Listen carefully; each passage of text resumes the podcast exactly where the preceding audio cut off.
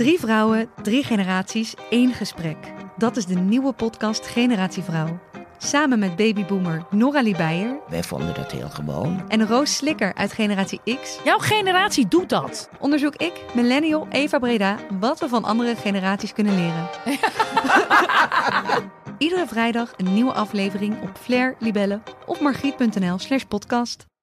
Ik zat vorige week donderdag mijn eh, podcastfeed te refreshen en te refreshen. Maar er kwam maar geen nieuwe aflevering van Movie Insiders met Guido en John. Wat is er gebeurd?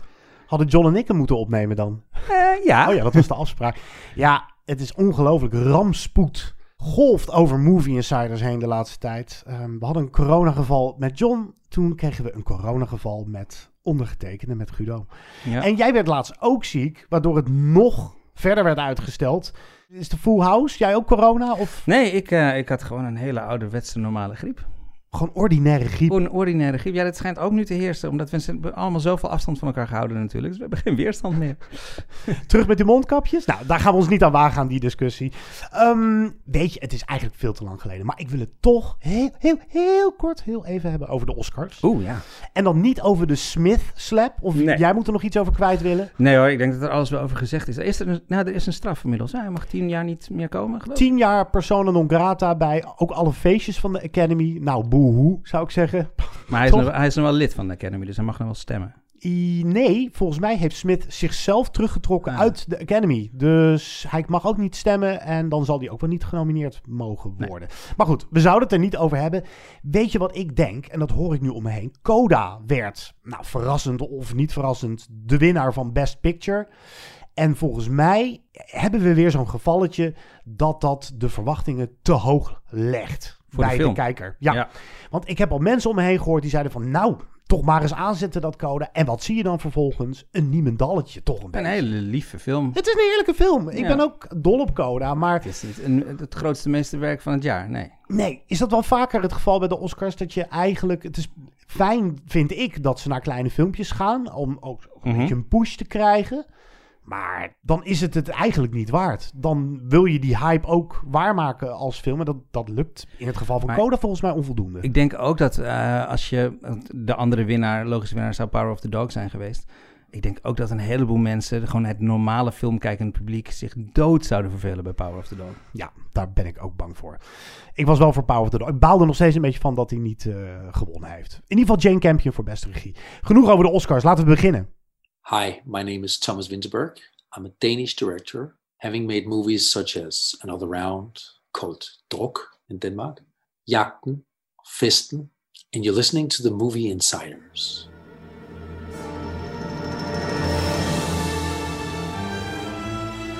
Good evening, ladies and gentlemen. We are tonight's entertainment. Movie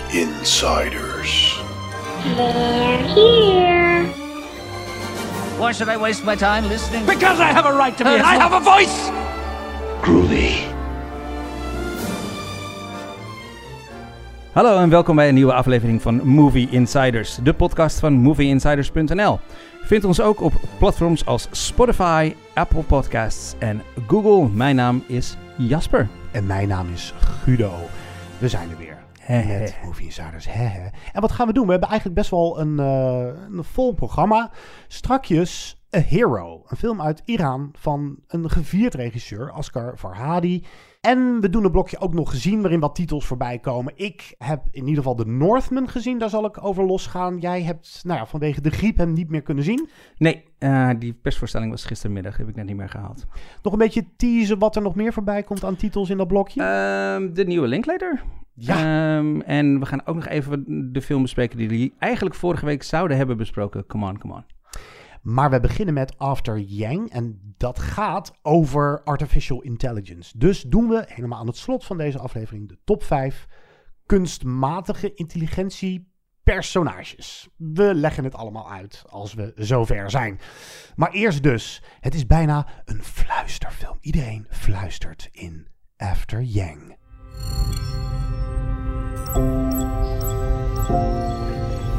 What happened to Yang? I don't know.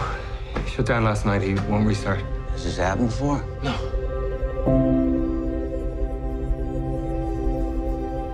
If we can't get Yang fixed, we're not gonna buy another sibling for Mika? It is an interior core problem. I need your permission to break open the core. We've always known that some bots are equipped with spyware. You might not want this bot in your house anymore. I wish I had a real memory. After Yang is de tweede film van filmmaker Kogonada. Een in Zuid-Korea geboren regisseur die heel veel video-essays, maar pas twee speelfilms op zijn naam heeft staan. Het prachtige Columbus uit 2017 en nu dus After Yang. In de film volgen we een gezin. De ouders, gespeeld door Colin Farrell en Jodie Turner-Smith, konden geen kinderen krijgen en daarom hebben ze voor adoptie gekozen van een meisje, Mika, uit China. Om haar te helpen in contact te blijven met haar Chinese roots, kopen ze een Chinese techno-sapient, Yang, een soort AI die er exact uitziet als een normaal mens. Yang bouwt snel een hechte band op met alle leden van het gezin en is, als de film begint, eigenlijk al volledig onderdeel van dat gezin. Maar dan gaat hij stuk en blijkt hij niet meer te repareren. Jake gaat op zoek naar een oplossing, maar vindt alleen meer mysterie. Hij krijgt een geheimzinnige geheugenkaart uit Yang en het blijkt dat Yang elke dag een paar seconden op mocht slaan om te onthouden. Jake bekijkt de herinneringen en wordt geconfronteerd met een deel van Yangs bestaan dat hij niet kende. Guido, wat ik zo bijzonder vind aan After Yang is onder andere wat er ontbreekt. Iets wat eigenlijk in elke film of verhaal wel zit. Ik weet niet of je dat gemerkt hebt, maar er is eigenlijk geen spanning of conflict in deze film. Waar je het wel zou verwachten, want bij een film over AI verwacht je al snel de vraag: in hoeverre wil hij een mens zijn? Je verwacht misschien een conflict met zijn eigenaren, een allegorie over slavernij, eh, de opstand van de technosapiens wellicht, maar dat gebeurt allemaal niet in After Yang. Guido, moet een verhaal altijd een conflict hebben die personages moeten overwinnen? Of laat Kogonada ons hier zien dat het helemaal niet nodig is? Ik vind wel dat deze film in die laatste categorie valt. Ik denk wel, dat moeten we gewoon gezegd hebben in deze podcast. Het gaat uh, lekker om onze mening, zalig. Uh, maar er zullen voldoende mensen zijn die of in slaap sukkelen of denken van ja, er zit, er gebeurt niks. Er staat niks op het spel, er is geen conflict. Ik krijg daar wel een kick van. Sterker nog, daar heb ik het wel eens met John ook over gehad hoor, in de podcast. Hoe meer films je ziet, hoe meer je verlangt naar iets dat afwijkt van dat eeuwige schabloon wat je toch bijna in elke film wel weer terugziet. Of in het merendeel van de films. Ja, gewoon de structuur in actes. En, ja, ja, En, en wat bijvoorbeeld ook al een verschil is, is dat heel veel films over kunstmatige intelligentie, en dat zullen we straks wel merken bij de top 5, nogal cynisch van aard zijn, een waarschuwende toon hebben. Het is toch hoe de machines zich vaak tegen ons keren. En dit is, het is een hele verdrietige film. Het is een hele emotionele film. Maar het is ook een hoopvolle film. En dat is alleen al anders. Ik vond dat ook prettig bij. Het is even een hele rare vergelijking. Maar je had vorig jaar Pig, die film met Ja, Nicolas, Nicolas Cage. Cage. Daar ga je ook naar kijken. En dan denk je na een kwartier wel te weten welke koers het zal varen. Namelijk, Nicolas Cage is boos dat zijn vark is gestolen. Hij neemt wraak en de stoppen slaan door. En hier denk je ook, nou ja, er was iets aan met die robot aan de hand. Eh, er moet nog iets gaan gebeuren. Nee, het is één grote contemplatie eigenlijk. Wat is er met de robot gebeurd? Doet er niet zo heel veel toe. Ook niet of er een groot geheim nog zat. Er is niet echt sprake van een twist hier. Het is echt een bijna meditatieve film over... Ja, ja, ze zijn allemaal in rouw. Wie was Yang eigenlijk? En hoe zijn we daarmee omgegaan? Hebben we hem recht gedaan als dat al moet, omdat het geen mens is? Dat soort vragen. Ja, inderdaad. Het is ook, eh, volgens mij laat Kogonada ook ons duidelijk weten dat hij eigenlijk helemaal niet geïnteresseerd is in eh, conflict. En ook niet zozeer in die, want wat natuurlijk in veel AI-films is, van wilde AI eigenlijk een mens worden? Dat is een, een film die, die, een vraag die in veel films voorkomt. En hij laat ons duidelijk weten er niet in geïnteresseerd te zijn. Er is zelfs een personage dat zegt letterlijk, what is so great about being human? Als iemand vraagt, zou Yang eh, een mens geweest willen zijn? Waarom zou hij dat willen? Want hij was wat hij was. Hij is een techno-sapien. Hij is geen homo sapien. En daar is hij blij mee. Kokonada vertelt zijn verhaal inderdaad zonder conflict. Hij gaat conflict echt de weg. Hij vertelt het heel subtiel, heel kalm, bijna therapeutisch. Maar daarmee geeft hij ons dus ook de tijd om eh, zelf te kijken en zelf te denken. En dat maakt After Yang, vind ik, best een unieke kijkervaring en ook een hele fijne kijkervaring. En eh, Columbus had het ook al, er zat ook geen, niet echt een conflict in. Maar hier in, in After Young werkt het ook extra goed omdat het met die verwachtingen speelt. Omdat je bij zo'n AI-film juist wel dat conflict verwacht en het komt niet. Er is wel conflict, maar dat is intern, zeg maar. Hier is alles mooi, alles is schoonheid, alles is liefde. Ja. Ook als het verdrietig is.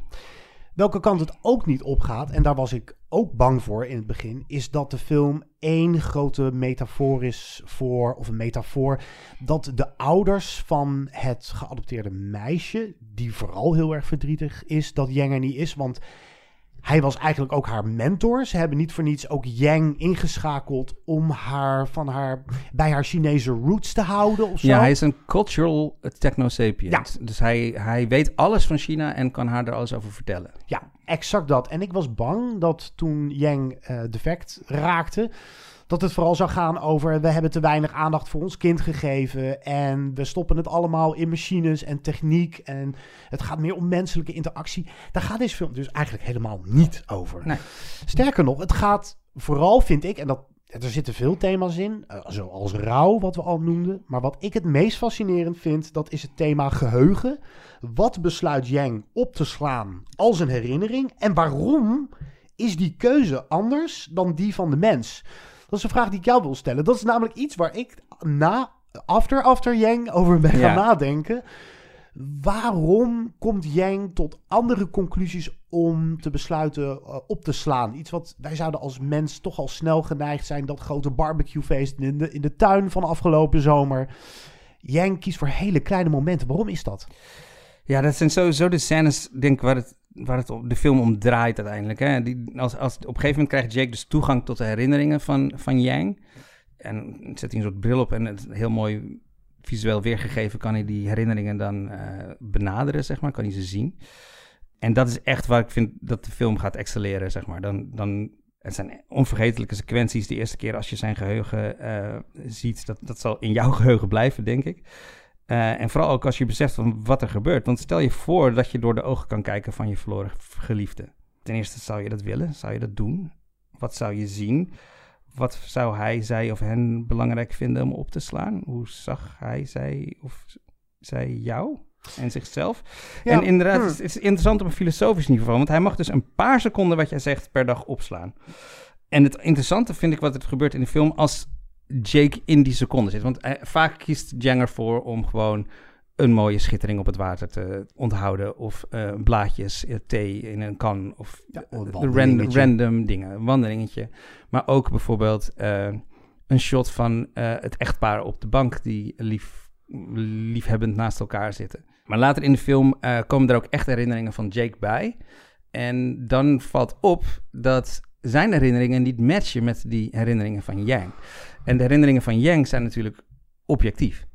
Uh, dus Jake heeft een ander beeld van zichzelf uh, en een andere herinnering van die, van die gebeurtenissen dan de werkelijkheid. En dat, is, dat vind ik filosofisch een heel interessant punt. Want die, je ziet sommige dingen ook meerdere keren herhalen en ze zijn eigenlijk nooit hetzelfde. Dus elke keer als je een herinnering terugroept voor jezelf, is die een beetje anders. En niet helemaal de waarheid. Uh, want Jake zegt dan bijvoorbeeld dingen net op een iets andere intonatie, of hij zegt net iets andere dingen.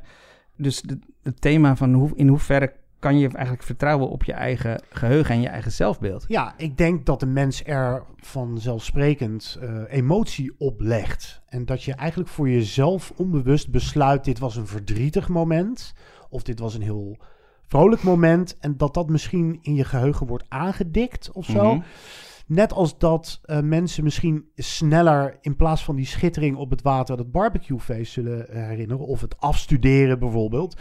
Ik denk dat dat ook wat zegt over de mens uh, in de huidige tijd. Zeker. Vol prestatiedruk en verwachtingspatronen van de maatschappij om je heen. En mensen en, die een, letterlijk een digitaal geheugen hebben ook nu. Hè? Ik bedoel, ja. je kan net zoals Jake je geheugen benaderen door naar je foto's op je smartphone te kijken. Nou, wat, wat ik... Uh, uh, ik vond dat altijd een beetje zweverig, maar ik weet dat die app bestaat. En ik ben er gewoon over gaan nadenken, nog steeds een beetje, om het te doen na After Yang. Je hebt zo'n app dat je, geloof ik, één of twee seconden Ja. per dag moet filmen. Ja. En dan kun je aan het einde van het jaar een soort jaarcompilatie laten zien wat, wat ja, bijzonder eh, momenten voor jou waren. En dat is volgens mij een ontzettend interessant psychologisch eh, experiment. Maar dat Yang dus kiest voor die hele kleine dingetjes die, nou ja, bij, bij ons misschien verzuipen in het grote eh, geweld der gebeurtenissen. Ja, dat maakt deze film bijna een beetje boeddhistisch van aard. Tel daar de kunst van het theezetten bij op. En de film flirt wel eens een, of het schuurt wel eens een tikkie tegen het randje van de New Age zweverigheid. Ik, het ging er gelukkig nooit overheen. Wat vind jij? Ja, ik vind die, die scène, eh, dat is wel een van de scènes die ik eruit zou willen pakken, die, die thee-scène. Ehm, om uit te leggen, Jake is, ehm, dat is dus eh, Colin Farrell, die is theehandelaar, ouderwetse theehandelaar. Blijkbaar bestaat er in de toekom- toekomst ook zoiets als theekristallen. Die verkoopt hij niet, hij verkoopt alleen blaadjes. Hij houdt van thee. En hij heeft een gesprek met Yang over eh, thee, want Yang wil graag begrijpen waarom hij zoveel van thee houdt. En Yang, die weet alles van thee, want hij heeft 4000 jaar Chinese geschiedenis opgeslagen in zijn geheugenbanken. Maar hij begrijpt het niet. En Jake, die houdt van thee, maar die kan het niet uitleggen. Hij zei letterlijk, ik heb de taal niet om het uit te leggen. En dat wordt echt een heel mooi, intens gesprek... Dat ze waar. echt raken aan soort de grenzen van elkaars begrip... als verschillende wezens, zeg maar. Ja, wij vonden dat een, ik vond dat ook een mooie scène. Er zullen ook heel veel mensen zijn waar het eh, op dat moment zal gaan kriebelen. Denk Ja. je niet? Ja, misschien wel. Maar dan werd het daarna wel weer licht met een, met een Werner Herzog-impressie. Oh, die imitatie van ja. Werner Herzog. Ja, die moet je zelf maar ontdekken. En waar we het misschien ook nog even over moeten hebben... dat is eigenlijk de stijlbreuk met de rest van de film zit helemaal in het begin. Want er zit een geweldige openingssequentie in... waarin eh, nou, Colin Farrell's eh, personage Jake, eh, zijn vrouw Kira en dan de, Mika... de, de credit sequentie, voor de duidelijkheid. Oh, niet, de niet, de openings... ja. En ze gaan dansen omdat er op dat moment een gameshow op televisie is of online. En ja, je, je kan als familie daaraan meedoen om die dansjes in te, in te studeren. En Yang doet mee. En dat zegt, De hele familie doet mee. Ja. de hele familie doet mee. De, de, de grap is dat je, als je er naar kijkt, denk je, waarom kijken die naar? Maar helemaal aan het einde pas denk je, oh ja, het zegt zo ontzettend veel over de band die ze hadden met eh, Ja. Yang. Maar ook iets over de tijd waarin ze leven. Sowieso heel gaaf dat dit is niet een science fiction film met à la Blade Runner met die grote wolkenkrabbers Nee. en dat soort dingen. Of grote spaceships die voorbij suizen. Het is heel subtiel, hè? Wat ik ook mooi vond, ik heb, ik heb After Yang later nog een tweede keer gekeken. En toen merkte ik, zag ik ineens dingen in die, in die credit sequentie waar je het over hebt. Dat je, je ziet ook in die credit sequentie andere families dansen. En dat zijn allemaal karakters die je later in de film nog gaat tegenkomen. Oh, wauw. Dat Ja. is echt iets wat je pas Dat- bij een tweede dat is, kijkbeurt Dat eh, is ziet. eh, onder andere de technicus en de vrouw uit het museum en haar gezin. En dat gezin zie je natuurlijk nooit meer terug, maar haar wel. ja, Dus dat is echt een hele mooie manier om eigenlijk de personages uit de film al te introduceren. En inderdaad, wat je zei, ja, het is geen grote wolkenkrabbers, geen grote ruimtereizen, geen vliegende taxis, geen rare gadgets. Ja, behalve Yang dan misschien. Maar dit is wel echt een van de meest soort ja, tegenwoordige science fiction films. Coconut doet eigenlijk alleen een soort toespelingen en, en halve shots. En daardoor voelt het als de toekomst, maar ook als nu. Bijvoorbeeld, eh, die, er zijn heel veel scènes in de auto.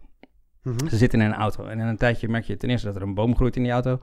Zonder dat het ooit wordt uitgelegd. Maar ook merk je dat er niemand rijdt. Dus is dat een zelfrijdende auto? Zit, staat hij op rails? Want ze zijn heel door een tunnel aan het gaan. Het wordt nooit uitgelegd. Ja, maar, gelukkig niet. En daardoor ja, geeft het gewoon... Het beeld geeft gewoon het gevoel van de toekomst. En niet om flashy te zijn, maar juist om heel natuurlijk te lijken. Ja, het is volgens mij een denkfout van veel filmmakers om, als zij een science fiction film maken, om aan de kijker via een omweg, via personages uit te leggen wat dat stuk AI is, eh, waarom die techniek en of het wel of niet op een, eh, een monorail rijdt. Ja, dat doet er niet toe. Dat mag je zelf invullen. Want eh, bij wat ik net zei, word je constant eraan herinnerd dat je naar een science fiction film kijkt. En hier accepteer het gewoon. Dit is gewoon een andere wereld, speelt zich af in een andere tijd. En het zal wel. Het gaat niet om de science fiction. Het gaat niet inderdaad. eh, en het gaat ook niet om de snufjes die ze dan hebben. Het is een hele gefocuste film. Ook dat is Ja. knap. Dit had een, in verkeerde handen een film kunnen zijn die alle kanten opwaait. En dat is nooit het geval. Als je de vibe te pakken krijgt, en die kreeg ik snel, dan is dit een, echt wel een verrukkelijke, nou, wat ik al zei, bijna meditatieve, boeddhistische film. Ehm, het is moeilijk om over deze film te praten zonder al te zweverig te klinken. Maar eh, ik zou iedereen willen aanraden om het op zijn minst een kans te geven. Ja, ik vond hem echt heel erg mooi. Het is gewoon echt een, een prachtig, krachtig drama. Het raakt je. Het gaat over van alles, heel veel thema's, maar het gaat vooral over wat het betekent om te leven. Het is een science fiction film die meer interesse heeft in natuur dan in technologie. En het laat zien dat je geen mens hoeft te zijn om de schoonheid om je heen te zien. Mm. This, uh, there's this part in the film. It's a great part where the man is explaining to his German friend why it's so difficult for him to describe the taste of tea. He says there's no language for it. You know, there are no words to adequately express the mysterious nature of tea. And his German friend, who's just standing right beside him with a cup of tea, says, Yes, but I, I imagine things like you are walking through a forest and there are leaves on the ground and it just had rained and the rain has stopped and it's damp and you walk and somehow that is all in this tea. I mean, I loved that so much. I loved that so much. Somehow that is all in this tea. Somehow that is all in this God, I watched tea. it over and over again. God, I watched it over and over again. I would like to watch this movie. Well, maybe we can do it together. Yes. That would be nice. Blijf luisteren, want we hebben meer recensies in petto. Waaronder A Hero van Asghar Verhadi. We hebben een blokje ook nog gezien. En we doen een top 5 kunstmatige intelligentie of AI characters. Maar eerst een stukje muziek uit After Yang, Jasper. Ja, er zit een heel mooi nummer in wat in een van de herinneringen van Yang speelt. Uh, hij kijkt dan naar het uh, personage uit... Uh, de, de persoon, de actrice uit Columbus. En dat is een cover van Mitski van het nummer Glide.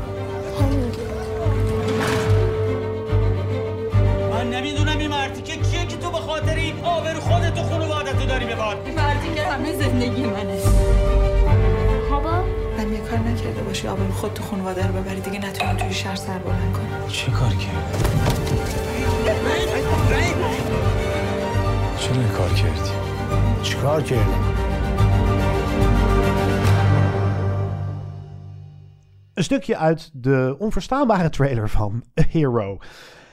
Het leven bestaat niet uit enkel good guys en bad guys. Iedereen heeft grijs tinten. A, daar wordt het pas echt interessant. En B, dat besef zorgt voor een meer genuanceerde blik.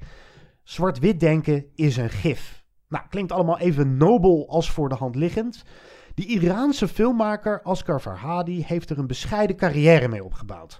Hij is misschien wel de huidige meester in het de filmconsument bijna te dwingen om geen partij te kiezen. Met About Ellie over een verdwijning, wat dat allemaal losmaakt uit 2008, speelde hij zichzelf in de kijker als filmmaker, maar echt doorbreken in het arthouse circuit dan, dus niet in Hollywood. Deed hij enkele jaren later met zijn meesterlijke echtscheidingsdrama A Separation. Ook deze film broedt op het gegeven dat elk verhaal niet één of twee, maar misschien wel 50 kanten kent. Of 50 grijstinten, wat je wil. Het leverde hem een Oscar op, iets dat hij in 2016 weer voor elkaar kreeg met The Salesman. Na het minder geslaagde Spaanse uitstapje Todos Los Saben met eh, Penelope Cruz en Javier Bardem is hij weer terug op vertrouwd terrein. Letterlijk, want A Hero is wederom een volbloed Iraanse film. En figuurlijk wat betreft Asghar Farhadi's thematische stokpaardjes. We volgen Rahim, die in de gevangenis zit vanwege een schuld die hij niet kan terugbetalen. Tijdens een kort verlof lijkt het lot hem aan een beproeving te onderwerpen. Met een verloren tas vol goudstukken kan hij ineens, deels in ieder geval, aan zijn financiële plicht voldoen. Als zijn geweten opspeelt en hij het goud teruggeeft aan de rechtmatige eigenaar, is Raim heel even de volksheld van Iran. Eventjes dan, want een held zijn heeft consequenties. Werd jij, Jasper, weer op vernuftige wijze alle kanten opgeslingerd in je sympathie voor de verschillende personages, of was het ditmaal allemaal een beetje gekunsteld? Beide. Ehm, ik denk dat het verhaal inderdaad ehm, af en toe net iets te makkelijk aanvoelt. En dat Farhadi uh, heel erg leunt, denk ik, ook op de charme van zijn hoofdrolspeler, Amir uh, Jadidi, die speelt Rahim. Zijn charme en zijn glimlach, die moet je eigenlijk binnenboord houden in dit verhaal. Huh. Ik heb precies dezelfde aantekening staan. Echt waar? Ja, ja, ja, klopt. Oh, mooi. Deze Amir Jadidi die doet heel veel met zijn gezicht. En dat is fijn in een vrij babbelzieke film. Wat niet erg hoeft te zijn. Maar dan moet je echt een goede hoofdrolspeler hebben die al die onzekerheid en twijfel laat zien op een non-verbale manier. En Rahim is iemand die, die hij doet een onbaatzuchtige daad, maar hij gaat zich er trots door voelen door alle aandacht die hij ervoor uh, krijgt. Wat heel raar is. En dat doet ook weer iets met hem. En dan komen er, zonder al te veel te verklappen, leugentjes om best wel om de hoek kijken. En dat wordt hier genadeloos afgestraft. Ik voelde wel een beetje dat gekunstelde. Ga ik zo wat voorbeelden van geven. Maar je werd, je zei deels, of Ja. allebei, je werd er toch wel in Ja, ik ben wel meegetrokken. Ik vind ook, dat is wel echt Farhadi dat hij verhalen vertelt die je meetrekken. Ehm, heel veel, vaak morele films, maar wel zonder dat, het, dat hij moraliserend wordt, zeg maar. Dus dat hij met zijn vingertje aan het schudden is. En het gaat vaak over mensen in moeilijke situaties, zoals Rahim, maar dus ook inderdaad mensen waarvan de motivaties, de beweegredenen, ingewikkelder zijn dan je denkt, dan ze lijken, zeg maar. Want ja, hij geeft, dat vind ik wel heel sterk ook, dat Farhadi geeft ons helemaal geen eenduidig uitsluitsel over de motivatie van Rahim. Uh, later in de film ver, verandert hij van gedachten. Is dat, heeft hij dan echt gewetensvroeging? Of weet hij gewoon dat zijn plannetje helemaal niet meer kan slagen? En bovendien is hij ook heel erg in het midden over hoe goed is die goede daad nou eigenlijk? Want als hij echt altruïstisch was, waarom brengt hij het goud dan niet gewoon terug naar de politie? Door met flyers rond te gaan lopen, zet hij dit spotlicht op zichzelf. Ja. En wat je uiteindelijk ook vindt over de, de schuld of onschuld van Rahim.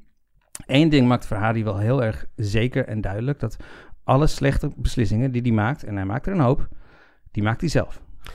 Zeker. En dat maakt het uh, heel boeiend en heel menselijk en Ja. echt. Maar dat is grappig wat jij zegt. Waarom gaat hij niet gewoon naar het politiebureau om die tas met goudstukken terug te geven? Ik zat daar ook mee in mijn hoofd. En ik kwam toch een beetje ook tot de conclusie. Omdat dat uh, de film ook gewoon beter uitkomt. Exact. Ja. Dat, dat is het gekunstelde. En dat is het Ja. gekunstelde. Net als het feit dat hij. Het klinkt een beetje gemeen. Maar hij heeft een zoontje met een handicap. Dat vond ik ook wel een beetje een plotmechanisme. Er zijn wel mooie scènes tussen hun trouwens. Zeker. En knap gekast jochie trouwens. Mhm. Dat vond ik echt ook bizar goed om te zien. Die grijstinten, die zijn wel weer fascinerend. Je ziet het te weinig in andere films. Je denkt de hele tijd ook... hoe zou de Hollywood-versie uh, er uh, hebben uitgezien? Waarschijnlijk zouden alle fijne nuances er vakkundig zijn afgeveld. Raim is uh, niet alleen een zielenpoot, hij maakt gewoon domme inschattingen. Ja. Het zijn wel inschattingsfouten. Het zijn menselijke fouten die jij en ik ook zouden kunnen hebben gemaakt. Het is geen schoft. Hij verandert niet in een beest of zo.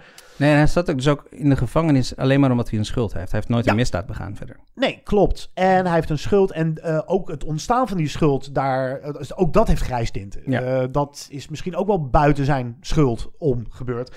En dan heb je Baran, uh, ja. Dat is dan zijn schuldeiser inderdaad. Gespeeld door Morshan Tanabande. Wie kent hem niet? Uh, die zegt ook uh, misschien wel terecht, dat is leuk voor je nu, dat je een held bent, maar ik heb daar dus geen zak aan. Ja.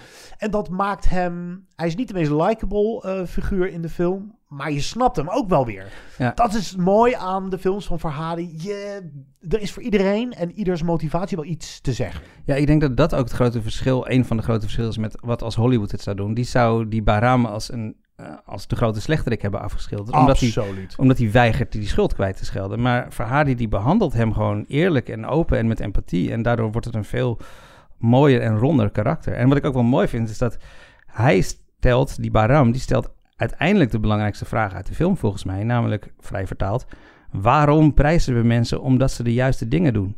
Waarom is dat niet gewoon wat we van ze verwachten? Nou ja, en daar kun je allerlei antwoorden op geven. Want het gaat ook over social media en over de mediadruk. Eigenlijk komt het uh, ook de gevangenis deels wel goed uit als hij uh, in het journaal verschijnt met zijn verhaal. Je ziet hem ook echt van, oh, daar, hij wordt een beetje voor de leven geworpen. Er staat ineens een lens op zijn snuffert. En uh, ja, je bent een held. Ook heel interessant is de rol van de dame die de, het goede doelen, de, de, de mm -hmm. goede doelenorganisatie ja. bestiert die wordt ook meegenomen op een gegeven moment in een leugentje. Uh, ook omdat zij denkt dat dat voor iedereen goed zal zijn. Het is zo mooi dat de keuzes die hier worden gemaakt, die pakken desastreus uit. Maar het zijn wel allemaal keuzes, nou nogmaals, die jij en ik misschien ook gemaakt zouden kunnen hebben. Omdat je ze doet vanuit een hoopvol, positief, menselijk oogpunt. Of ja. zo. We moeten het misschien ook even hebben over het uh, feit dat onze heer Farhadi ja. uh, een probleem heeft met deze film. Uh, Jasper, vertel eens, wat is er aan de hand? Ja, hij is veroordeeld zelfs al door een Iraanse rechtbank voor plagiaat. dit verhaal zou hij gekopieerd hebben uit een korte documentaire van een van zijn leerlingen. Nou zijn er in de filmwereld heel veel beschuldigingen van plagiaat. En eigenlijk wordt er nooit iemand veroordeeld.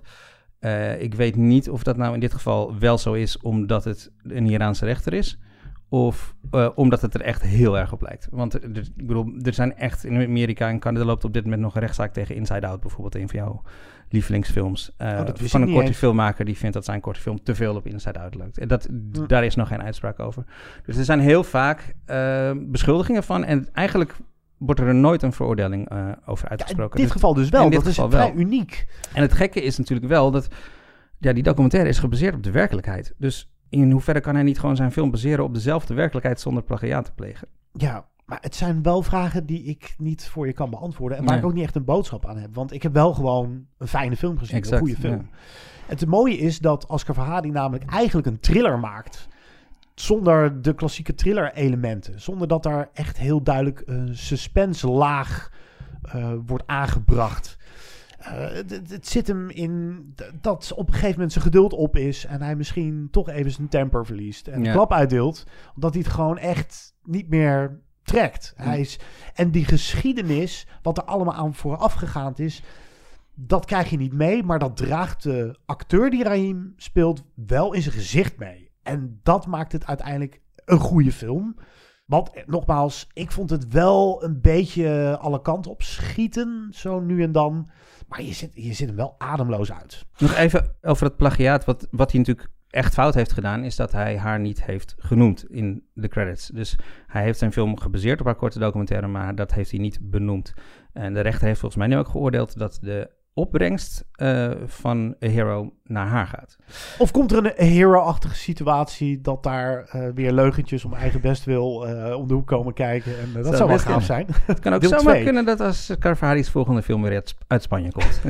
dat zou goed kunnen. Je had het net over uh, die, die scènes met zijn zoontje. Um, ik vind het sowieso heel mooi hoe Farhadi echt volledige controle heeft over de film. En dat maakt het ook dat gekunstelde gevoel. Maar hij heeft echt controle. De film begint redelijk komisch, een beetje kluchtachtig bijna. En dan wordt het al snel verdrietiger en serieuzer. Maar die scènes tussen Rahim en zijn zoontje, uh, die dus na drie jaar gevangenis weer een band proberen op te bouwen, die zijn echt heel sterk. En ook hoe hij hem uiteindelijk dan uh, probeert te beschermen tegen het schandaal wat om hem heen uh, speelt. En dat beschermen doet hij dan wel privé. Dat doet hij weg van de camera's. Alsof Farhadi ons wil zeggen dat echte goede daden bijna nooit in de spotlight plaatsvinden. I will avenge you, father. I will save you, mother. I will kill you, father.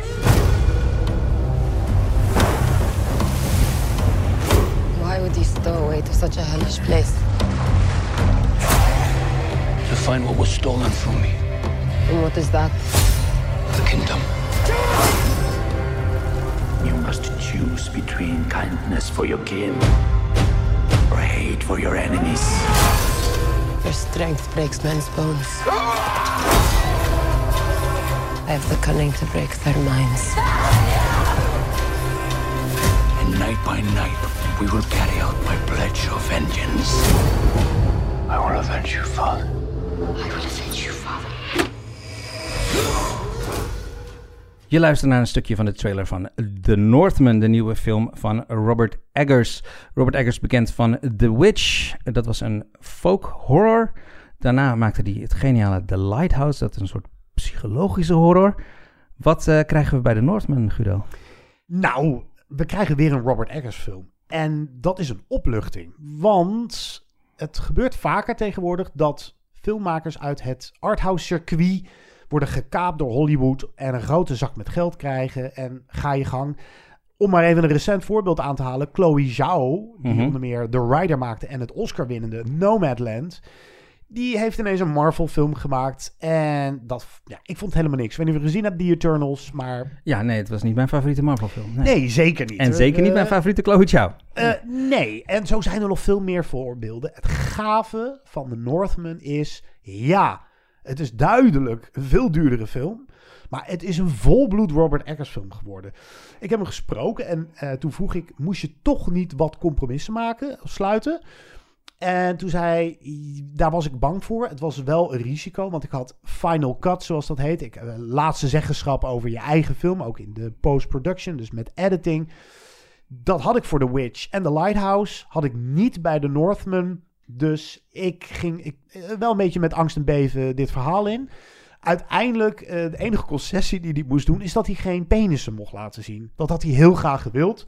Vikingen, die vechten soms naakt. En niet altijd met een keurig berenvelletje... precies op de plekken om het gekuist te houden. Dus, eh, maar en bij verder- een arthouse film had dat makkelijk gekund. ja, ze- zeker, Ja. zeker. Had ik de arthouse, ja, je had ook de arthouse filmversie hiervan kunnen zien, maar dan was die niet zo heerlijk groots en goor en meeslepend geweest. Wat hij eigenlijk doet, is een heel simpel verhaaltje vertellen, een beetje een vraagverhaal. Kan je het verhaal even samenvatten? Ja, laat ik dat doen. Emleth, zo heet het hoofdpersonage. En die wordt gespeeld door Alexander Skarsgård. En we beginnen de film dat zijn... Nou, dat is geen spoiler, zit echt letterlijk eh, ook in de trailer al. En het gebeurt in het eerste kwartier. Zijn vader, belangrijke koning, wordt om zeep geholpen door zijn oom. Zijn broer, maar Emleth's oom. Klimt als eh, een bekend Shakespeare. eh, Ja, sterker nog. ehm, nou ja, hij hij gaat dus later, op latere leeftijd wraak nemen. Dat is eigenlijk het verhaaltje. Eh, hij wil ook zijn moeder redden. Die wordt gespeeld door Nicole Kidman. En waarom het je bekend voorkomt, het is uiteindelijk ook de inspiratiebron geweest voor William Shakespeare om Hamlet te gaan maken. Want dat komt uit dit veel ouder. Het is een stokoud verhaal. Vraag me niet precies eh, eh, in welk jaar het is geschreven, maar Hamlet speelt ook natuurlijk in Denemarken, dus in de Zeker. Vikingenland. Ja. Zeker, zeker. Dus ja, je, ik verwachtte misschien, dat was de enige lichte teleurstelling. Ik had hem wel een wat gaver plot gewild. Of dat, dat hele mythische en dat je er nog dagen over na kan denken. Wat heb ik nou eigenlijk gezien? Zoals bij The Witch het geval was, waar heel veel mooie symboliek in zit. Feministische symboliek bijvoorbeeld. Maar En ook The in Lighthouse ook, ja. Is dat hier iets minder, maar dat wordt ruimschoots gecompenseerd door... Nou, Robert Eggers heeft gewoon alles wat hij in de research interessant vond over Viking, heeft hij erin gestopt. Uh, ook een bepaalde sport die ze speelde. Dat een beetje lijkt op uh, zwerkbal, maar dan zonder vliegen. Uh, de positie van de vrouw, die veel meer op gelijke voet stond met de man dan elders in Europa. Wat bijzonder is. Maar ook de, de sprookjesverhalen, de religieuze kanten. En die mixt die samen. Dus het is feit en fabel gaan hier hand in hand. Wat bijvoorbeeld resulteert in Björk, die als heks kan komen opdraven. Een pratend hoofd. Nou, laat ik niet te veel weggeven. Maar ja, het, het, is, het zit hem in de details. Het is een immersive experience, om er een mooi Nederlands woord bij te halen. Je moet hem zien op een heel groot doek. Het is, het is uh, pure cinema. Heerlijk. Is het een film voor mensen die gewoon van vikingen houden? Denk het wel. Ja? Ja. Of is het te veel eggers daarvoor? Het, ja, ja. Ik bedoel, als het, ik bedoel, de Lighthouse zou ik nou niet aanraden aan het gemiddelde bioscooppubliek, zeg maar. Dat is waar, maar ik denk dat als je houdt van vikingen, dan verwacht je ook een beetje wat bloed. En dan krijg je dat eindelijk een keer te zien in deze film. Er rollen wel aardig wat hoofden en kinderen worden ook niet gespaard. Ook vrij uniek voor een film met zo'n groot budget. Dus ja, je krijgt waar voor je geld ook in dat opzicht. En wat ik ook zo mooi vind aan een film van Robert Eggers, dan laten mensen gewoon wel eens een ruft. Of een boer. ja. En dat gebeurt hier ook. En dat, is, dat, is, dat valt direct op. Het lijkt niet zo heel Piet Lulligs, maar dat gebeurt anders nooit. Dus dat maakt het een volbloed Eggersfilm. En geluid is ook altijd heel belangrijk. De Lighthouse had natuurlijk die, die misthoorn. Die, dat was een soort lakmoesproef om of je die film ging volhouden. Als je dat ja, zeker. Na vijf zeker. minuten nog niet trok, dan moest je gewoon beter stoppen met de film, denk ik. Nou, die is nog wel uh, teruggekeerd uh, in mijn dromen. Of nachtmerries, Ja. beter gezegd, dat geluid. Ja, hier is het geluid is fantastisch. Ja, het is jammer dat Oscars al geweest zijn. Misschien dat uh, tegen de tijd dat de nieuwe uitreiking komt, alles weer in het geheugen is weggezakt. Maar anders dan zou deze daar echt op geluid en, en editing ook zeker aanspraak kunnen maken. Als echte bioscoopbeleving, uh, een rijke bioscoopbeleving, is dit een, uh, vind ik het een must. Ik ga hem zeker nog kijken op groot scherm. Ik vond het erg jammer dat ik hem niet in de persvoorstelling kon zien gisteren doen, Jasper. Ook als niet-fan zijnde van The Witch, heb ik begrepen. Ja, nou, ach, ik heb The Witch uh, denk ik gewoon te laat gezien. Uh, ik, uh, het was de hype niet waard dan? Nou ja, ik heb, ik heb, ik weet niet of ik dat verteld heb. Nee, volgens mij niet in een eerdere aflevering. Ik heb drie jaar lang voor uh, Netflix gewerkt. Waarbij ik Netflix-content eigenlijk soort intern moest recenseren. En toen had ik The Witch nog niet gezien, maar zag ik een heleboel van, van die kopie folk horror films die maar slechter en slechter werden. Dus ik had al heel veel folk horror gezien uh, toen ik uh, uiteindelijk een jaar geleden of zo een keer The Witch had gezien. Ja, dan is het een beetje mossen naar de maaltijd. Ja, dan is het een beetje mossen naar de maaltijd. En dan is het duidelijk een veel, veel betere film. Maar het is niet meer zo vernieuwend als dat je hem nou. ziet zonder al die andere kopieën al gezien te hebben. Nou, daar kom je redelijk mee weg, Jasper. Wat hebben we nog meer gezien? Nou, jullie zouden vorige week eigenlijk een recensie maken over uh, de toch best mooie film Come On, Come On. Is niet voor gekomen vanwege jouw corona, maar laten we het nog eventjes uh, korte revue passeren. Joaquin Phoenix in ja. uh, een anti-Joker rol. Heel erg uh, stille, ingehouden rol. Het is een film van Mike Mills, die ook zelf het scenario schreef. gaat over ja, een podcastmaker eigenlijk. Iemand die voor NPR, dus Public Radio, werkt. het land doorreist en kinderen interviewt. En hij krijgt op een gegeven moment de zorg voor zijn uh, neefje voor, uh, krijgt hij op zich. En dan gaat de film over uh, ja, de band die ze opbouwen en ja, hoe zijn dynamiek in zijn leven ook verandert. doordat er een jongetje erin komt. Wat, wat vond jij ervan? Deze is trouwens wel zwart-wit. Ja, ik ben wel een fan van de films van Mike Mills. Hij wordt vaak een beetje beticht van, nou, een beetje verhalen vertellen. Ik vond Beginners prachtig, Mhm. uh, maar heel veel mensen krijgen daar jeuk van. En ik begrijp niet zo goed waarom. Ik vind het heel erg uit het leven geplukt. En dat is deze ook. En het, is, het, het drijft ook weer op de acteerprestaties. En ook wel, nou, toch ook wel op de observaties. Het is geen, geen film met een hele hoop uh, stroop. En dat, dat maakt uiteindelijk deze film echt de moeite waard. Omdat, nou ja, daar gaan we weer. Ik heb het al een paar keer gezegd. In verkeerde handen was, het, was dat het misschien wel geweest. En Joaquin Phoenix is, Ja. ja, jeetje, Her, uh, daar liet hij ook al zien dat hij meer zijn mars heeft dan alleen een psychopaat spelen. Al kan die fantastisch ook een ingehouden psychopaat spelen, uh, getuige The Master bijvoorbeeld. Maar ja, ja, ik vond dit een verrukkelijke film. Hij maakt een hele kwetsbare hoofdrolspeler van, hè, Phoenix. vind ik. Hij is heel kwetsbaar. En wat ik ook mooi vind aan de film, aan Come On, is dat eh, het gaat dus over de band die zij langzaam opbouwen. Maar ze laten niet daarin alleen maar de goede bonding momenten zien. Ze laten ook zien de momenten dat het misgaat. Dus bijvoorbeeld een scène dat hij ehm, het, het jongetje, ik weet even niet hoe het jongetje heet, maar het jongetje kwijt is in de supermarkt en totaal in paniek schiet en hem niet kan vinden. En als hij hem uiteindelijk weer gevonden hebt, dan wordt hij ook echt heel boos op hem. En dan moet zijn zus via de telefoon eigenlijk weer tussen beiden komen om hun band weer een beetje te herstellen. Dus het laat niet alleen maar die, band steeds sterker worden. Je laat ook ze laat echt zien van dit, dit gebeurt er in de werkelijkheid. Niemand is perfect en je maakt fouten. Het laat zien dat relaties ingewikkeld zijn en dat dat het aftasten en het falen en het steeds weer opnieuw proberen, dat het begint eigenlijk al gewoon zodra je iemand probeert te leren kennen. Mooi gezegd. Volgens mij uh, kunnen we een bruggetje maken naar de nieuwe Richard Linklater, die ook gaat over, nou, over uh, kinderen ook wel. Nostalgie. En nostalgie. Dit is een film die behoorlijk de meningen uh, verdeeld maakt over. Ja, Noem de titel even. Ja, laten we daarmee beginnen. helemaal mee eens. Apollo 10 and a half, A Space Age Childhood. Ja. Dat is hem, hè? Ja, en het is licht autobiografisch, heb ik begrepen, van Richard Linklater. De man die mij vooral... Nou, die heeft een van mijn favoriete films aller tijden gemaakt. Boyhood? Twee zelfs. Boyhood. Ja.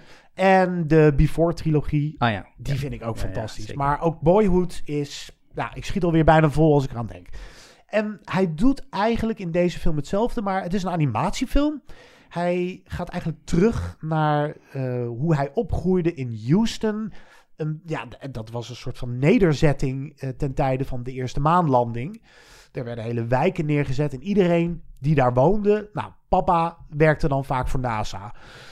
En hoe kijkt Richard Linklater, die hier een andere naam heeft als kindje, terug op die tijd? En dat gebeurt dan via de voice-over van Jack, Jack Black. Black. Ja. ja. Nou ja, ik, ik vond Come On al een, een beetje nostalgisch, uh, maar dit gaat echt een uh, stap verder. Het is trouwens geanimeerd uh, met de, de rotoscope techniek. Uh, dat is hetzelfde wat Flea bijvoorbeeld gebruikt. Dus dat het eigenlijk echt gefilmd is en daarna uh, overtekend. Om het een beetje kort door de bocht, maar dat is ongeveer de techniek. Ja, Linklater deed dat eerder trouwens. Met ja, voor Scanner Darkly. Live. Ja. ja, en Waking Live ook. Ja, klopt.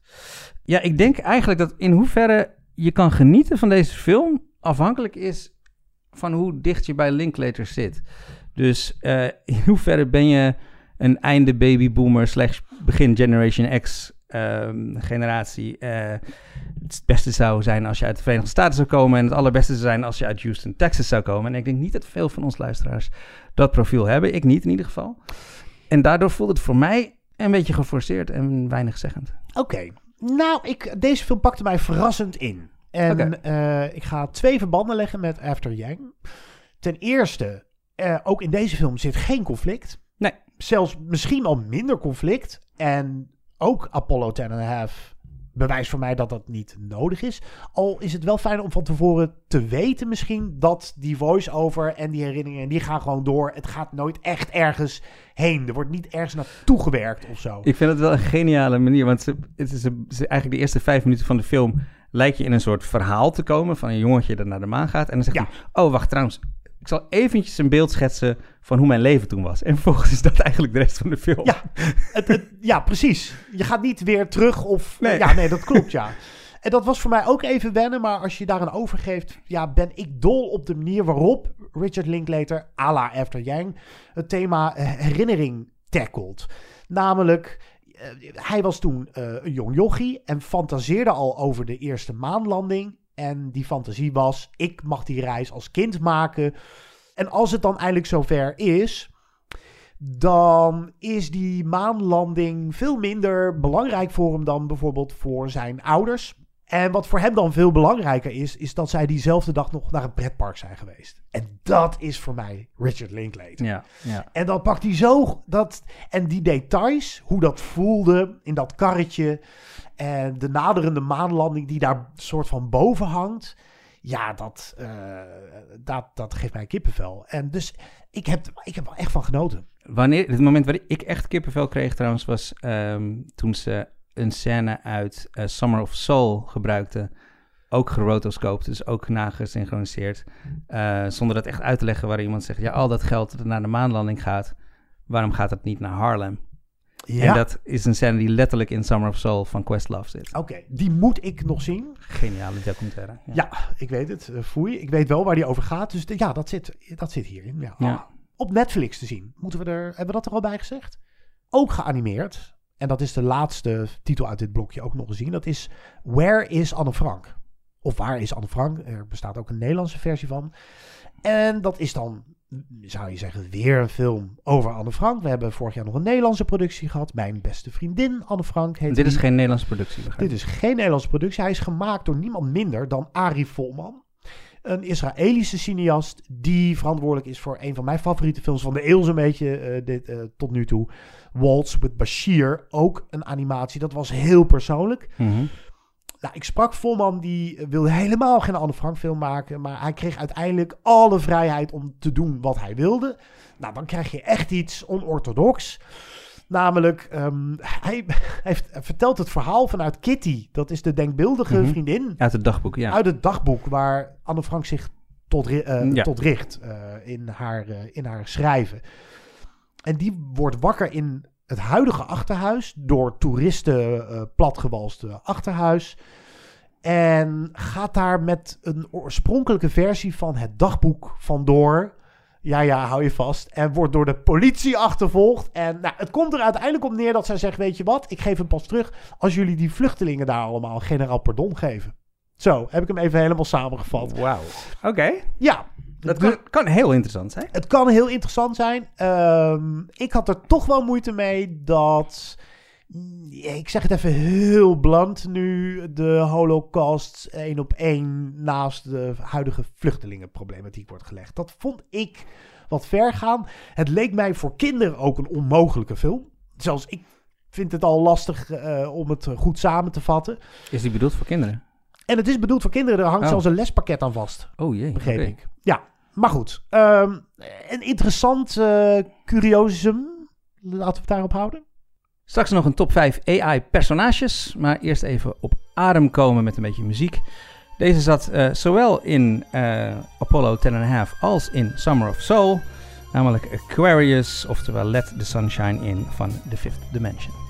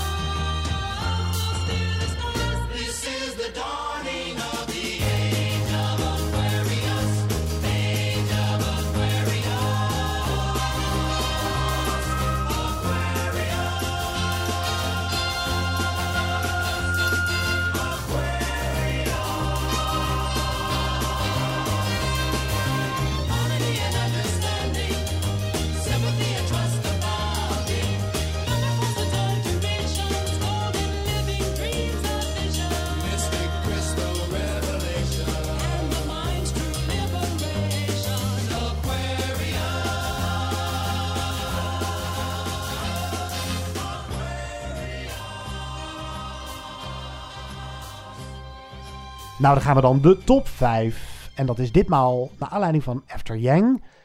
AI-personages, kunstmatige intelligentie, robots en alles wat daar een beetje omheen zweeft. Of had jij nog specifieke criteria, Jasper? Nou ja, maar het enige criterium is dat het eh, een echte AI is. Ehm, dus een, niet elke robot is een AI per se. Eh, een robot, er zijn natuurlijk heel veel robots die wij hebben die gewoon in een fabriek eh, dingen aan de lopende band doen. Die hebben geen bewustzijn, eh, dus die hebben geen kunstmatige intelligentie. Dus bewustzijn is denk ik wel eh, een Dus wat, wat, wat heb je dan uitgesloten? Ik zit even een voorbeeld te bedenken.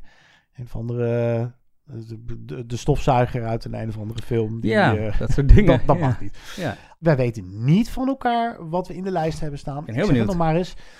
Hier eh, liggen wel eh doublures op de loer. Maar dat maakt niet uit. Kan bijna niet anders. Nee. Jij mag beginnen, Jasper. Ik ben gewoon ik onwijs beginnen? benieuwd. S- Go, shoot. Je nummer vijf. Mijn nummer 5. Nou, dan, dan begin ik bij het begin. De eerste AI uit de filmgeschiedenis. De Machinenmensch. Oeh, de ja. vrouwelijke robot uit Metropolis van Frits Lang uit 1927. Sowieso een niet te missen klassieker uit, de- van het Duits expressionisme. Eh, en zij is denk ik wel een van de meest iconische robots aller tijden. Ik denk dat iedereen kent die poster wel in ieder geval, als je die film niet gezien hebt. Bovendien heeft ze echt een essentiële rol in het plot, in het verhaal. Ze is zelfs de aanleiding voor de vernietiging van de hele stad. Eh, en zij is een vroeg voorbeeld, of ja, het eerste voorbeeld eigenlijk, van een AI die slecht wordt. En dat is natuurlijk een beeld eh, dat we eigenlijk nooit meer kwijt zijn geraakt bij kunstmatige, kunstmatige intelligentie. Daarom verwachten we nu altijd eigenlijk dat ze zich tegen ons zullen keren. In films, misschien in de werkelijkheid, omdat ze gemaakt zijn om op ons te lijken. En uiteindelijk belandt deze eerste robot uit de filmgeschiedenis, hoe kan het ook anders, als heks op de brandstapel. Mooie keuze. Ik heb hem eh, niet gekozen. Dat had ik zomaar kunnen doen, waren het niet dat ik gewoon Metropolis, eh, Metropolis weer eens moet zien. Hm. Echt heel lang geleden. Mooie keuze. Ik ga voor een hele obscure... Ik heb twee obscure keuzes. Ik ben heel benieuwd. Eh, nummer 5 en nummer 4. En nummer 5 doe ik gewoon om een beetje te provoceren. Daar heb ik gewoon zin in. Ik ga voor Edward Scissorhands. Ja, had ik op mijn lijst. Oh, echt? Ja, ik, dacht, oh, ik ben helemaal uniek nu. Ik heb hem op het laatste moment afgegooid. Oh, wauw. Ja, eh, nou, help me out heer. Want we moeten eigenlijk dan gaan verdedigen waarom het AI is. Nou, het wordt gewoon nooit heel duidelijk gemaakt in de film. Hij is een creatie van Vincent Price. En ja, Edward Scissorhands, gespeeld door Johnny Depp, is eigenlijk ja, een AI, een kunstmatig Ja, mens met grote scharen in plaats van handen. Omdat hij nooit helemaal is afgemaakt door zijn maker. Hè? Ja, klopt. En hij is gemaakt zoals veel robots worden gemaakt om te creëren en Mhm. om te helpen. En eh, hij mist zijn vader, want de, zijn vaderfiguur sterft al vrij snel in de film. zijn maker, zijn creëerder. Ja. Ja, eenzaam knipt hij alle heggen fraai in dat, dat de creepy suburb Mhm. daar beneden op de, bij die heuvel. Deze klassieker van Tim Burton. Uiteindelijk ook prachtige ijssculpturen. Maar ja, ook dit is een, ehm, een stuk artificial intelligence, om het even oneerbiedig te zeggen, die gewoon verlangt naar uiteindelijk warmte. En dat niet kan, omdat hij die scharen heeft in plaats van handen. En dat je toch op een mens wil lijken. Dat je uiteindelijk dat het evolueren ook bestaat uit de groeiende behoefte aan intimiteit. Mhm. En dat maakt Edward Scissorhands toch wel net even iets meer dan gewoon een, een grappige rariteit van Tim Burton. Ik noem hem ook om gewoon mezelf weer aan en, en de luisteraar aan te helpen herinneren dat wat een heerlijke filmmaker Tim Burton ooit was. En hoe hij is afgegleden naar de riolen van filmland. Mijn god, wat, wat is de laatste goede film die hij maakte, Jasper? Was dat Big. Fish? Ja, die vond ik al niet geweldig. Oh, die vond je al niet super. Nou, dat vond ik wel echt een mooie film. En dat is ook alweer twintig jaar geleden, Ja. als het niet langer is. Nou ja, hij heeft natuurlijk nog wel van, in de animatie nog wel eh, wat mooie dingen gedaan. Frankenweenie. Ja, eh, Oh ja. Corpse Bride, uh, Zeker. Frankenweenie. Aardige films. Eh, ja, maar daarna heeft hij alleen nog maar Alice in Wonderland-achtige... Dumbo heb ik niet eens gezien. Nee, ik ben niet. ik gewoon, Nee. ja, lekker Nee, ik had, eh, ik had Edward Scissorhands eh, op nummer 4 staan eigenlijk. Eh, ik vond hem, ja, het is inderdaad gewoon echt een ja. En ik vind het, wat ik vooral zo mooi vind, is hoe die film aanspreekt, ja, hoe het is om gemaakt te zijn om op een mens te lijken, maar er nooit één te kunnen zijn. Of zo. En dat vind ik wel een mooi thema voor een AI. Zeker, ja. Maar goed, ik heb hem op het laatste moment afgeknikkerd voor een andere obscure film. Tromgeroffel. Ja, eh, nou sowieso, want ik heb net dus gezegd dat, ik, dat ehm, die False Maria de, de- eigenlijk eh, de trope heeft neergezet, de AI zich altijd tegen ons keert. En nu ga ik met mijn volgende vier keuzes bewijzen dat het helemaal niet waar is. want eh, in de volgende film, eh, mijn nummer vier, wordt AI ingezet als therapie voor Alzheimer-patiënten en als rouwverwerking. Het gaat hier om een minder bekende film, denk ik. Misschien ken jij hem. Marjorie Prime uit 2017 van Michael Almareda. Die ken ik niet. Eh, het is een toneelverfilming eigenlijk van een toneelstuk van Jordan Harrison. John Hamm van eh, eh, Ma- Madman speelt de AI, Walter, een van de AI's. En hij is gemaakt om te lijken op de overleden man van Marjorie, die weer gespeeld is door Lois Smith. Een hele bekende actrice als je daar gaat IMDb'en. Ik heb eh, een avondje met haar en de regisseur wijntjes gedronken. En dan krijg je hele mooie verhalen over Oh. oud Hollywood. Zij heeft onder andere met James Dean en East of Eden en zo gespeeld. Holy damn. Ja, echt een hele interessante vrouw. Hoe kom je Eh, daar nou eh, mee een biertje drinken? Filmfestival Rotterdam, hè. daar is Kijk. iedereen, iedereen kan je aanspreken. Dat is, eh, dat is zo leuk aan dat festival. Maar goed, Joan Hamm speelt dus een AI en die vertelt eigenlijk ehm, de, haar herinneringen aan haarzelf terug. En hij is een AI die gemaakt is eh, om eruit te zien als haar overleden man. eh, op een punt in de tijd dat zij gekozen heeft. Dus daarom ziet hij eruit als John Hamm en niet als iemand van 80. Maar om die verhalen eh, terug te kunnen vertellen, moet hij ze wel eerst gehoord hebben. Dus zij vertelt hem de verhalen en hij vertelt ze vervolgens weer net iets anders terug. Dus het is echt een AI die ingevoerd is. Later komen nog allerlei twists in de film, daar wil ik niet te veel over zeggen. Want het is een film die niet veel mensen hebben gezien, dus wil ik niet al te veel over spoilen. Maar het is een hele mooie film over rouwverwerking.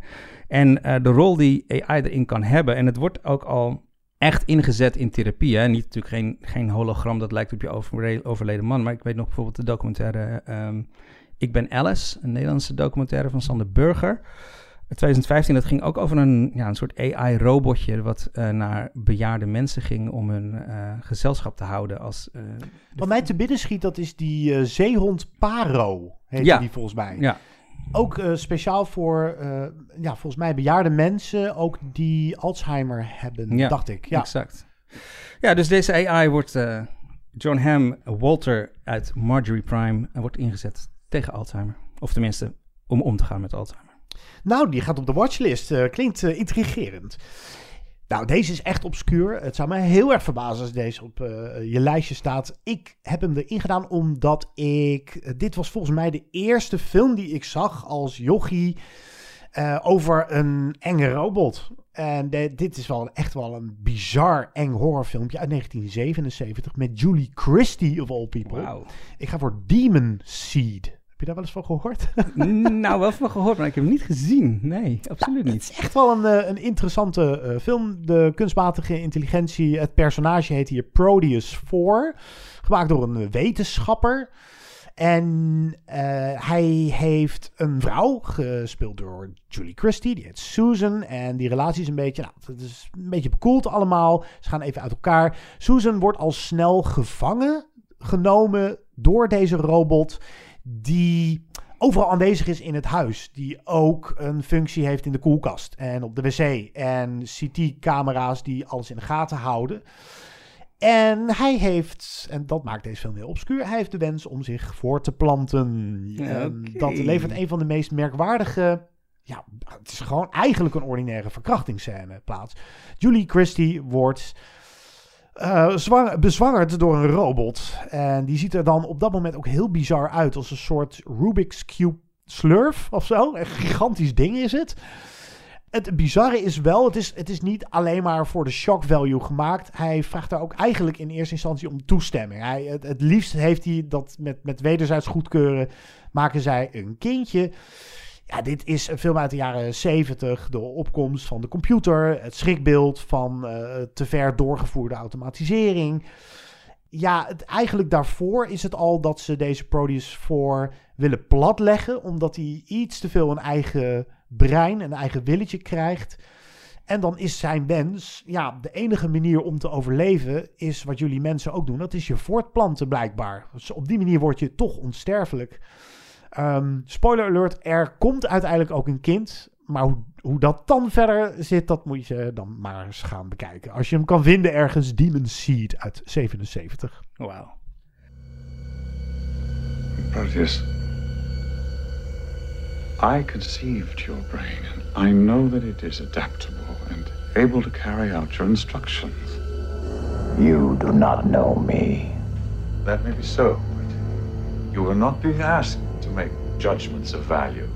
Leave that to us. Answer the questions precisely and accurately. That's all. Dr. Harris, I wish to have access, private access, to one of my terminals. But private access, why? I want to study man, his isometric body, and his glass jaw mind. Very ambitious program, but the moment all the terminals are occupied. Construct one. Oké, nou dan mijn eh, nummer drie. Eh, deze is een, eh, een echte robot. Die wordt niet zo snel verward voor een mens. Eh, in ieder geval niet uiterlijk. Ik denk de meest knuffelige uit mijn lijst. Dat wel. En de enige, denk ik ook, die we echt een AI zien worden tijdens de film. Ik heb het over Wall-E. Oh, Wall-E. Uit Ah. 2008 van Andrew Stanton, de Pixar-film. Ja, misschien wel een van de meest sympathieke personages uit de filmgeschiedenis. In ieder geval een van de meest sympathieke AI's. Maar ja, inderdaad, in het begin is hij helemaal geen AI. In het begin is hij echt een robot. Hij doet al 700 jaar hetzelfde werk zonder daarbij na te denken. Dat is een robot, dat is geen AI. Hij ruimt onze rommel Onze op eigenlijk, op, ja. Eh, maar wij zijn in die film dus eigenlijk getuigen van dat hij een soort bewustzijn ontwikkelt en dus een AI wordt. Het is gewoon sowieso een heerlijke film. En dat, dat tragische lot in het begin is al zo sterk. sterk. Ik denk dat, dat hij gewoon onze troep aan het opruimen is al 700 jaar lang. En hij is nog de enige robot die functioneert. Maar hij gaat maar gewoon door en hij gaat maar gewoon door. En vrolijk ook. Ja. Liedjes erbij. En wat heel goed werkt is doordat Wally echt ehm, de hoofdpersoon is uit de film en niet een bijrol. ehm, hebben we dat verwachtingspatroon van hij zal zich wel tegen ons keren niet. Want hij is gewoon de hoofdpersoon waar wij mee meeleven. En daardoor ehm, ja, hebben we dat gekke gevoel wat we anders bij AI hebben. Hebben we niet bij Wally. Ik blijf erbij dat het eerste half uur van Wally is het beste wat Pixar ooit heeft gemaakt. En dan is de tweede helft ook ontzettend goed, maar wel minder. Ja. Ja, dat wilde ik gewoon nog even zeggen. En hij stond bij mij op de shortlist, heeft het niet gehaald. Wat het wel heeft gehaald is op nummer drie. Alicia Vikander speelt haar in de film Ex Machina uit 2015. Ze heet Eva op zijn Engels met A-V-A. En haar brein is gebaseerd op een zoekmachine. Mhm. Ontwikkeld door een CEO van een bedrijf, gespeeld door Oscar Isaac. En die werkte jarenlang als een soort van kluizenaar aan deze robot. En hij twijfelt zelf ook. Eh, heeft ze nou bewustzijn of imiteert zij menselijk gedrag? En op een gegeven moment vindt er een soort van experiment plaats. Hij haalt iemand binnen, even kort gezegd, gespeeld door Daniel Gleeson. En die krijgt de opdracht om Eva te onderwerpen aan de Turing-test. Ja. En eh, nou, dat, is, dat houdt in. ehm, heeft de ondervrager door dat hij met een computer praat. Alan Turing, ooit eh The Imitation Game. Dat was een biopic, Ja. ging over hem met Benedict Cumberbatch. Het mooie van deze Eva is dat je heel duidelijk kan zien dat zij een robot is, want je ziet gewoon de bedrading lopen. Maar ze heeft wel het prachtige gezichtje van Alicia Vikander. En ja, hij laat zich toch door haar verleiden. En de kijker ook. En dat, ja, vond ik wel confronterend, omdat ik, ik heb ook wel een beetje een oogje op Alicia Vikander. Dus eh, dat werkte extra goed voor mij als kijker. Eh, en wie is hier het proefkonijn? Dat is op een gegeven moment een zeer interessante, boeiende vraag. Het einde heb ik altijd een beetje een tegenvalletje gevonden. Maar het is wel, het is misschien wel een beetje een modern klassiekertje uit 2015, Ex Machina. Alex Garland, had je dat gezegd? Alex Garland is de regisseur, zeker. Ja, interessante kerel ook. Zeker. Oké, dan ehm, mijn nummer twee. Als je online, ik had mijn, mijn top 5 al gemaakt, maar toen ging ik later eens kijken, staan er van dat soort lijstjes online. Nou, als je online gaat kijken, dan staat bijna altijd op nummer 1 Hell uit eh, 2001 of Hell, Hall. Ik weet niet hoe je het in het Nederlands moet zeggen. Dus die laat ik gewoon weg. Huppakee. En ik ga voor een andere computer in de ruimte, namelijk Gertie uit Moon uit 2009 van Duncan Jones. Dat is een obscure keuze in dit geval, maar dat mag je zelf uitleggen. Ja, het is. eh, nou, ten eerste vind ik hem geniaal weergegeven. eh, omdat hij gewoon een smiley op een scherm is. Wat nog specialer is, is eigenlijk dat hij ja, de helpende computer is. Hè, die klaar is om de held bij te staan. Net zoals Hell eigenlijk in 2001. En dus verwacht je, door al die verwachtingspatronen waar we het net over hadden. en ook ja, door Hell. Dat hij eigenlijk wel slecht zal zijn en een verrader is. Dat is de verwachting die je hebt. En wat zo verfrissend is. en wat Duncan Jones heel goed doet is dat hij eigenlijk die, die mat onder je vandaan trekt. Want Gertie is echt goed.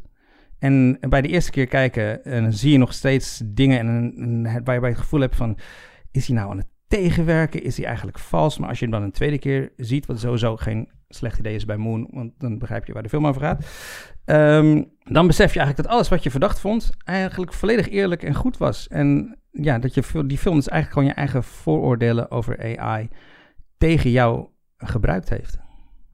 Wat gaaf. Ik, ik vind het altijd wel fijn dat wij in Movie Insiders eigenlijk top 5 en tip 5 een beetje door elkaar husselen. En zo wordt zo'n titel als Moon weer eens genoemd. Want ik denk dat heel weinig mensen die gezien hebben. En het Ja. is echt een hele puike science fiction film. Ja, zonde. Ja, Ja, zeer zonde. Het was eh, overigens de, de, de stem, want we hebben nu al Ja, dat twee... is het obscure wat ik bedoelde. Nou ja, jij hebt ook al een gecancelde acteur genoemd. Eh, Johnny Depp. Ja, Johnny Depp. Ja, nou, is die al gecanceld? Nou, die is wel goed onderweg om gecanceld te worden. Dat is wel waar, ja. Maar dit is eh, Kevin Spacey inderdaad, en die is eh, natuurlijk zeker gecanceld. Gertie, have you heard anything new about anyone fixing Lunar Sat? No, Sam. What I understand is it's fairly low on the company's priority list right now. You tell them to sort that out. You know what I'm talking about? That's not. I've only got two weeks, but it's not fair to whoever's coming up here next. I will, Sam. Do you want me to finish cutting your hair later? Nah, come on, let's finish this. Nou, mijn nummer twee. Het zou me verbazen als je deze film niet gaat noemen. Her van Spike Jones. Dat was in 2014 mijn nummer één film van het jaar. En er was veel competitie, dus ik was echt verliefd op deze film. En het stuk AI in kwestie is Samantha, heet Samantha en is het besturingssysteem van Joaquin Phoenix. Ja. En Een soort Alexa met bewustzijn, zeg maar. Juist. En wat ik zo mooi vind aan Her, dat zeiden we ook al tijdens de recensie van After Yang, is dat dit is ook een film die is het, het positieve van artificial intelligence benadrukt. We worden er door deze film weer aan herinnerd dat we zijn geneigd door de toenemende techniek om ons meer te isoleren en af te sluiten van anderen, maar dat we uiteindelijk toch behoefte hebben aan interactie. En dat via die techniek weer doen. Dus dat, is, dat vind ik gewoon een fascinerend gegeven waar deze film heel mooi op inspeelt. En wat heel interessant is, is dat ze. Er is een hele mooie. Dat is misschien wel de mooiste seksscène van de eeuw tot nu toe. Uh, puur de stem alleen van Scarlett Johansson. En zij doet gewoon precies wat hij wil. En zij evolueert ook naarmate zij meer contact hebben omdat zij precies zegt wat Joaquin Phoenix uh, het liefst zou willen horen, zet dat ook de kijker tot uh, nadenken over verliefdheid. En in hoeverre dat misschien een vorm van opportunisme is. Of je verliefd wordt op de verliefdheid en de aandacht. Gaat ook over eenzaamheid. De tragiek is ook heel mooi gevonden. Dat Samantha is op een gegeven moment te slim geworden voor haar host, om het zo maar te noemen. En dat levert een heel... Dat ik ooit nog eens ontroerd zou raken door een besturingssysteem. Maar ja, en dat, misschien komt dat door de prachtige score van Arcade Fire, geloof ik. Mhm. De mannen van Arcade Fire zitten erachter. Maar een hele bijzondere, ontroerende film. Die is op een andere manier en een niet zo'n cynische manier kijkt naar kunstmatige intelligentie. Ja, ik ga hem inderdaad eh, ook noemen. Het is mijn nummer 1. Het is je nummer 1. Ja, Yes. Samantha is mijn nummer 1. Ja, je hebt eh, het meeste al gezegd. Een eh, nog mooiere stem dan Kevin Spacey, Scarlett Johansson. Eh, wat ik interessant vind is ook dat het niet echt een science fiction film of AI film is. Het volgt eigenlijk veel meer, het, het scenario volgt veel meer het pad van een gewoon een traditionele romantische film. Ik zal niet zeggen romantische comedy, maar een romantische film. Het is een liefdesfilm. Het is een liefdesfilm, maar over een hele atypische relatie. Maar dat weerhoudt de film er eigenlijk niet van om wel echte dingen over de liefde te onderzoeken. En dat uh, vind ik heel knap. En uh, wat ik ook een sterke keuze vind, is dat Samantha echt geen fysieke componenten heeft. Ze heeft zelfs geen smiley, zoals uh, Gertie. En daarmee geeft Spike Jonze, ik weet niet of je de regisseur al genoemd had, ja, Spike geeft duidelijk aan dat ze echt een besturingssysteem is. En dat Phoenix dus alleen verliefd wordt op haar stem en op wat ze zegt. maar ondanks dat we haar niet zien, lukt het Scarlett Johansson toch om haar te laten voelen als een volledig uitgewerkt en ingeleefd personage. En dat vind ik heel erg knap. Sowieso een mooie film. Mijn nummer 1. Oh, what, what do I call you? Do you have a name? Um, yes. Samantha. Really? Where'd you get that name from? I gave it to myself, actually. How come? Because I like the sound of it. Samantha. Wait, when did you give it to yourself? Well, right when you asked me if I had a name, I thought, yeah, he's right. I do need a name. But I wanted to pick a good one. So I read a book called How to Name Your Baby. And out of 180,000 names, that's the one I like the best. Wait, you read a whole book in the second that I asked you what your name was? In two one hundredths of a second, actually. Ik ga dan heel saai wel voor Hell 9000 uit 2000 One Space Odyssey. Gewoon simpelweg omdat ik vind dat het moet.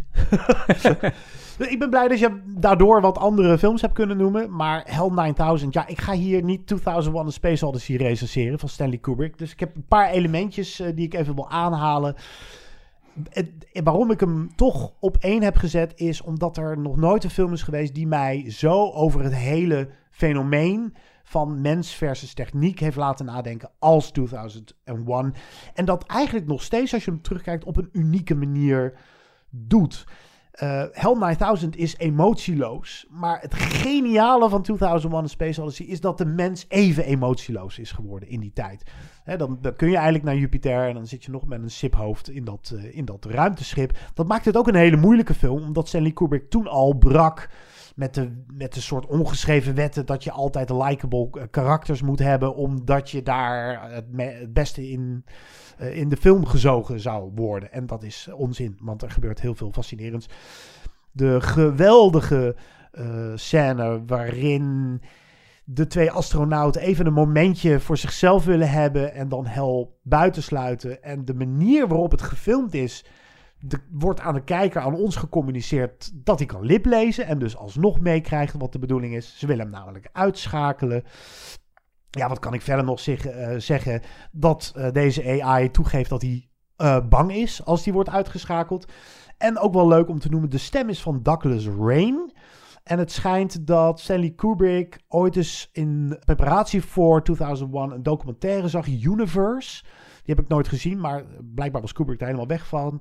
En hij verzorgde daar de voice-over. En hij was helemaal ja, betoverd door zijn zowel intelligente als intrigerende stem. En het schijnt ook dat eh, toen Douglas Rain Hell 9000 insprak, dat hij dat ook eh, consequent liggend heeft gedaan. Bijna half in slaap vallend om die, die kalmte in zijn stem eh, door te laten werken. Schitterend. Nou, heb ik hopelijk misschien nog iets gezegd over 2001 wat je nog niet wist. Open the pod bay doors, Hal. I'm sorry, Dave. I'm afraid I can't do that. What's the problem?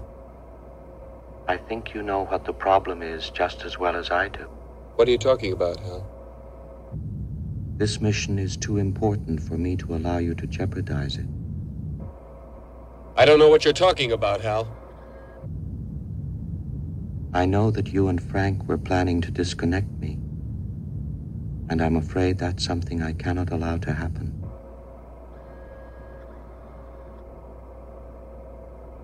Where the hell did you get that idea, Hal? Heel mooi, heel mooi. Had jij nog ehm, honorable mentions? Oh, wauw. Ja, zoveel. Ehm, ik vind toch die robot uit Interstellar heel erg Tars fraai. Tars, ja. Ja. En waarom? Omdat dat eindelijk eens een keer ook een robot was waarvan ik dacht, ja, zo, zo, zo snap ik dat die gebouwd wordt. Ja. Eh, dit is de meest praktische vorm van een, een hulprobot die ik eh, misschien in een science fiction film gezien heb. En ook eentje die echt goed blijft. En die, ook, ja, ook deze eh, gaat niet muiten. Ik had nog Robbie the Robot uit The Forbidden Planet.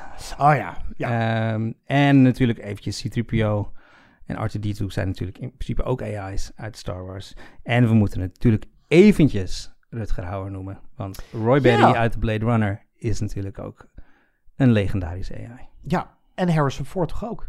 En Harrison Ford, ja, dat weten we nu inmiddels. Ja, Ridley Scott heeft eindelijk een keer toegegeven. Ja. Ook Harrison Ford is een replicant. Of replica? Replicant. Replicant, ja. Dat was de top 5 kunstmatige intelligentie. Eh, volgende week, eh, gaan, nou ja, dat zei ik vorige keer ook, maar gaan jij en eh, John een podcast maken? Hopelijk deze keer echt. Ja, eh, hopelijk kunnen we die belofte een keer waarmaken. Ja, we moeten eh, zien hoe het loopt. Maar laten we eh, in ieder geval een podcast maken. Ja, de bedoeling is dat ik die met John ga opnemen. Wat komt er allemaal uit? Wat gaan we bespreken? Is die Nicolas Cage film niet... Ja, ik heb hem inmiddels gezien. Daar rust geen officieel embargo op. Maar ik ga nog even niks zeggen. The Unbearable Weight of Massive Talent gaat over het cultfiguur Nicolas Cage... die in deze film zichzelf speelt. En Ja. dat is volgens mij een hele leuke film om het uitgebreid over te hebben in de lijkt volgende mij aflevering. heel leuk. Ik ga luisteren. Mooi. Zullen wij eruit gaan met muziek uit Edward Scissorhands? Oh, leuk. Ja. Ja, want die heeft zo'n prachtige score van componist Danny Elfman. Dat is een van mijn favoriete soundtracks. Een van de soundtracks die mij eh, verliefd deed worden op het fenomeen filmmuziek. Tot die tijd, laat van je horen. Je kan een reactie achterlaten op onze website movieinsiders.nl. En je vindt onze podcast op Spotify, op Apple en alle welbekende platforms. En mail onze reacties op onze top 5 op, eh, of op onze recensies op... movieinsiderspodcast.gmail.com Je kan mij persoonlijk nog volgen als je wil op Letterboxd of op Instagram. Dat is bij de @jasperonfilm. En bij mij Guido Tienhoven, G-U-D-O. En Tienhoven is met dubbel O. Zo vind je hem ook op Twitter en op Facebook. Gezellig. Dat was hem weer. Tot volgende keer. Ciao.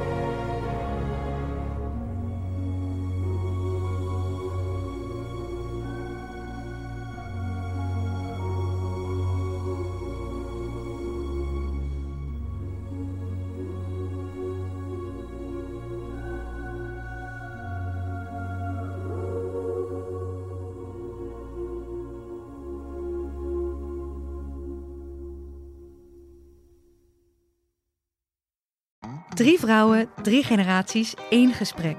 Dat is de nieuwe podcast Generatie Vrouw. Samen met babyboomer Noralie Beijer Wij vonden dat heel gewoon. en Roos Slikker uit Generatie X. Jouw generatie doet dat. Onderzoek ik, millennial Eva Breda, wat we van andere generaties kunnen leren. Iedere vrijdag een nieuwe aflevering op Flair, Libelle of margriet.nl slash podcast.